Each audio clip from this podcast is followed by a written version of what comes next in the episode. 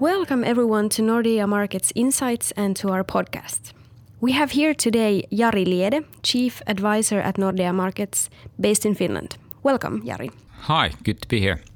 So, uh, these are difficult times for Nordic corporates when it comes to financial risk management. What are the trends as you see them? Uh, well, uh, obviously, there's a lot of risks facing the, the corporate treasurers today, uh, from counterparty risks increasing to sanction violations, uh, commodity price swings, and, and so on. But we think there's two that really stand out as challenging for treasurers to uh, manage today.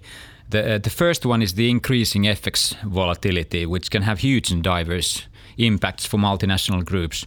It's affecting the cash flows, it's distorting the value of assets, and, and, and it could be causing big deals as acquisitions and, and large sales transactions to fall. Uh, the second one is is the low or even negative interest rates, which is a great opportunity to to cut the cost of debt, but it's also a great challenge for companies that have uh, large liquidity reserves that are failing to generate an, an acceptable yield. Uh, and quite a few companies are in that uh, position today. So that's why we set out to learn more about how Nordic com- companies are, are managing the risks they face. Uh, we surveyed more than 170 large Nordic corporates about their approaches and, and their use of tools such as hedging. Uh, and the result is a new report called Hedging Strategies 2016. All right, that's interesting. So, uh, from the findings of the report, how well prepared do you think the businesses are for the challenges you've described? Uh, well, we're seeing uh, mixed signals. On, on the one hand, we're seeing a really systematic approach to, to risk management. Uh, pretty much all the large corporates have a formal policy uh, on, on, approaches to financial risk management that's owned by the Treasury and updated frequently and, and used. And this, for us, is sort of the essential foundation, it's really encouraging to see. Uh, furthermore, most corporates are reacting to things uh, like the low interest rate levels uh, in some way. They're not just sort of blindly forging ahead with the existing practices. But on the other hand, we, we believe that there's an opportunity for corporates to be more active. Many of those that we spoke to revealed that they, they were not using all the options available. And they were, for instance, not uh, modifying their hedges actively or not investing in, in longer periods. Uh, of all the areas of risk management, uh, where are corporates most consistently focused? Uh, FX or foreign currency risk was voted as the uh, top priority for risk management for the, the, coming 12 months. And if you look at the charts for how volatile currency pairs have recently become, that both the major currencies as well as the emerging markets currencies, it's not a not a surprise. 93% of, of corporates uh, hedge FX risk uh, related to operative cash flows, and it's kind of the default option now. And there's really good reason for this because uh, kind of hedging FX risk in, in operative cash flows is it's easy to justify. For example, if the the forecasted EBITDA of your exports is, is around 15%, then just a 5% change in the currency rates would decrease your EBITDA by one third and compensating for this would require a, quite a massive increase in, in sales. Uh, further, another important finding is that most multinational corporates aim to centralize foreign currency risk to the parent. Uh, for example, when a parent company is, is about to grant an, an internal loan to a subsidiary which has a different home currency than the parent, no matter what currency is, is chosen, then the loan will be in a wrong currency for either of the of the two companies. So the best practice seems to be clearly to grant the loan in the currency of the subsidiary. So this means that the parent, who is often much better equipped, will carry the risk related to the loan. And further, the data shows that in most cases, the parent company will also hedge the FX risk related to the currency denominated loan receivable. Okay, so clear best practices seem to be to hedge near term operative cash flows and to centralize FX risk to the parent. Uh, can you give us any examples of FX areas where approaches differ?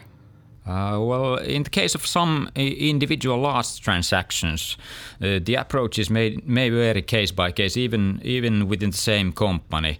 This applies both to, to large project tenders as well as to large M&A transactions. In, in both cases, hedging is quite common once the transaction is certain, but the approaches may vary quite a bit before it's certain.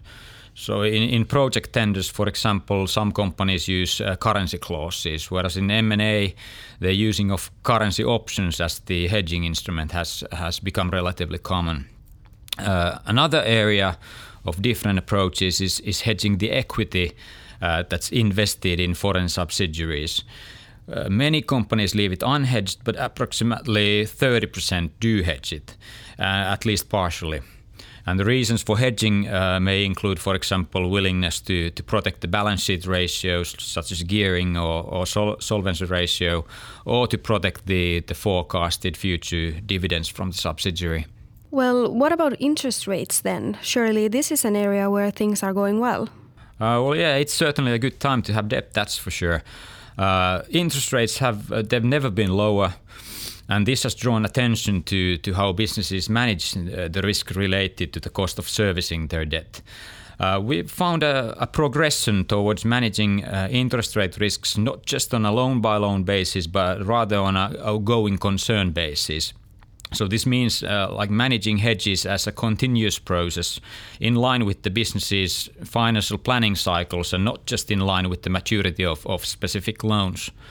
Uh, one thing that we always advise clients is, is to look beyond uh, just conventional loans and evaluate the, their interest rate risks of all their sources of funding, uh, like for example leasing.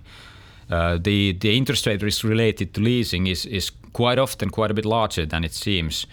For example, a firm once approached us to, to conduct an analysis of the interest rate risk uh, related to the loan portfolio, and, and to their surprise, more than half of the interest rate risk was related to the leasing contracts. And even though all of the leasing contracts were at fixed rates, the fact that the, the contracts were renewed every year, that meant that the changes in interest rates in effect flowed through the P&L quite quickly. These kind of risk management activities are they the preserve of large companies only? No, no, no, absolutely not. The hedging is it's used to convert uh, an uncertain future into something more predictable uh, that can be budgeted for.